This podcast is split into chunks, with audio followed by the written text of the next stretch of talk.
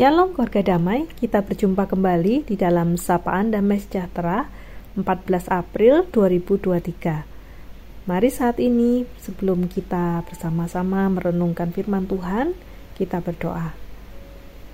Tuhan Allah Bapa kami, kami bersyukur jikalau sekali lagi hari ini kami boleh kembali merenungkan firman-Mu ya Tuhan. Biarlah firman-Mu sungguh menjadi sebuah kekuatan yang terus meneguhkan hidup kami, menguatkan hidup kami di dalam kami menjalani hidup kami sehari-hari. Khususnya melalui firman-Mu, kami boleh semakin dikuatkan dan diteguhkan akan kuasa kebangkitan Tuhan yang juga membangkitkan hidup kami. Di dalam nama Tuhan Yesus kami berdoa. Amin. Saat ini kita akan merenungkan firman Tuhan yang diambil dari 1 Korintus pasal 15 ayat yang pertama hingga ayat yang ke-11. Dan sekarang saudara-saudara, aku mau mengingatkan kamu kepada Injil yang aku beritakan kepadamu dan yang kamu terima dan yang di dalamnya kamu teguh berdiri. Oleh Injil itu kamu diselamatkan, asal kamu teguh berpegang padanya, seperti yang telah kuberitakan kepadamu. Kecuali kalau kamu telah sia-sia saja menjadi percaya. Sebab yang sangat penting telah kusampaikan kepadamu, yaitu apa yang telah kuterima sendiri, ialah bahwa Kristus telah mati karena dosa-dosa kita sesuai dengan kitab suci, bahwa ia telah dikuburkan dan bahwa ia telah dibangkitkan pada hari yang ketiga sesuai dengan kitab suci, bahwa ia telah menampakkan diri kepada Kefas dan kemudian kepada kedua belas muridnya. Sesudah itu ia menampakkan diri kepada lebih dari 500 saudara sekaligus. Kebanyakan dari mereka masih hidup sampai sekarang, tetapi beberapa di antaranya telah meninggal. Selanjutnya ia menampakkan diri kepada Yakobus, kemudian kepada semua rasul, dan yang paling akhir dari semuanya ia menampakkan diri juga kepadaku, sama seperti kepada anak yang lahir sebelum waktunya karena aku adalah yang paling hina dari semua rasul, bahkan tidak layak disebut rasul, sebab aku telah menganiaya jemaat Allah. Tetapi karena kasih karunia Allah, aku adalah sebagaimana aku ada sekarang, dan kasih karunia yang dianugerahkannya kepadaku tidak sia-sia. Sebaliknya, aku telah bekerja lebih keras daripada mereka semua. Tetapi bukannya aku, melainkan kasih karunia Allah yang menyertai aku. Sebab itu, baik aku maupun mereka, demikianlah kami mengajar dan demikianlah kamu menjadi percaya. Demikianlah bacaan kita pada hari ini. Keluarga damai, pernahkah Anda pergi ke sebuah pantai dan melihat ada batu karang yang berdiri di sana? Batu karang itu merupakan batu yang kuat karena sekalipun dia diterpa oleh ombak besar berulang kali, batu korong batu karang itu tetap berdiri kokoh. Keluarga damai gambaran mengenai batu karang yang kokoh inilah yang seharusnya dipakai untuk melukiskan cara orang Kristen untuk percaya akan kuasa kebangkitan Tuhan. Keluarga damai jemaat di Korintus pada waktu itu sedang mengalami kebimbangan terkait dengan berita kebangkitan Yesus. Pertanyaan-pertanyaan seputar Sungguhkah Yesus bangkit? Atau bagaimana mungkin seorang yang sudah mati dapat bangkit kembali? Siapakah yang membangkitkan Yesus? Atau adakah saksi terpercaya atas peristiwa kebangkitan tersebut? Kalaupun ada siapa mereka? Ada berapa banyak? Mungkin pertanyaan-pertanyaan itulah yang membuat jemaat di Korintus mengalami kebimbangan pertanyaan-pertanyaan yang kerap kali mempertanyakan apakah Yesus sungguh-sungguh bangkit. Keluarga damai seharusnya untuk menjawab pertanyaan ini.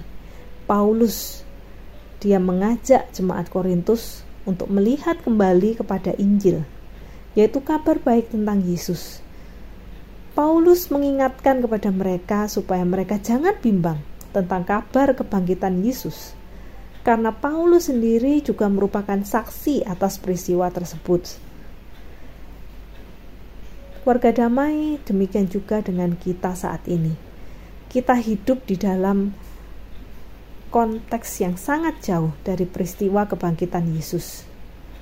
Jadi bisa saja kita pun juga menjadi orang-orang yang mengalami kebimbangan serupa dengan jemaat Korintus tentang peristiwa kebangkitan Tuhan kita bisa saja bimbang pada kuasa kebangkitan itu sendiri.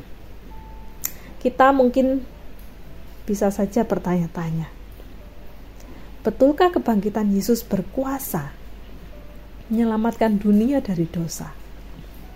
Jika ya, mengapa hidupku saat ini masih terus-menerus berada di dalam dosa? Atau mengapa hidupku tidak terlepas dari berbagai macam penderitaan, pergumulan, ataupun masalah-masalah?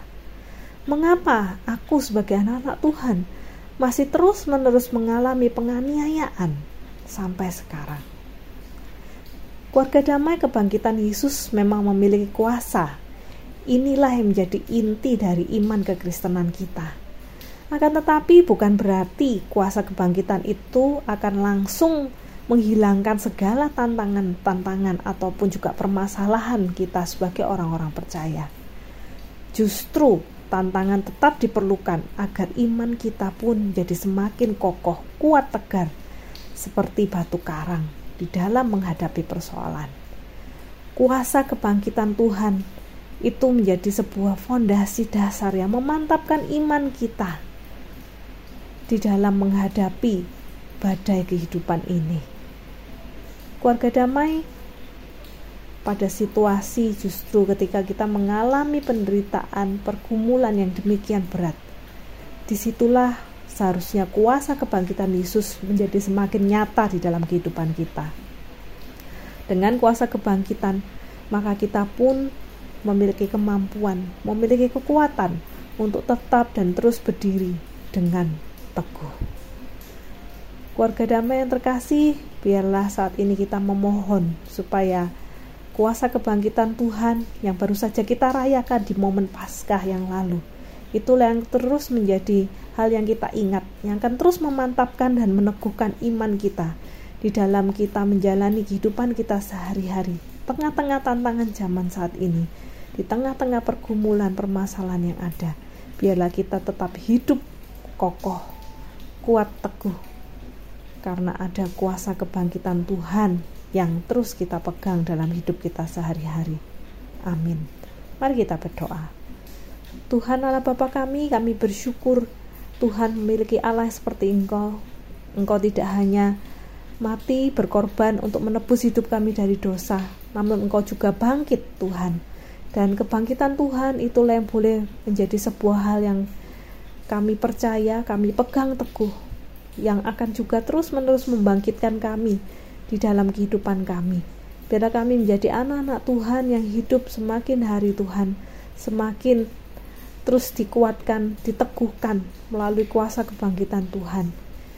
Dan biarlah Tuhan sendiri yang memakai kami menjadi anak-anak Tuhan yang memancarkan terang kemuliaan Tuhan. Kuasa kebangkitan Tuhan sungguh boleh terpancar nyata di dalam kehidupan kami. Terpujilah namamu Tuhan, di dalam nama Tuhan Yesus kami berdoa. Amin.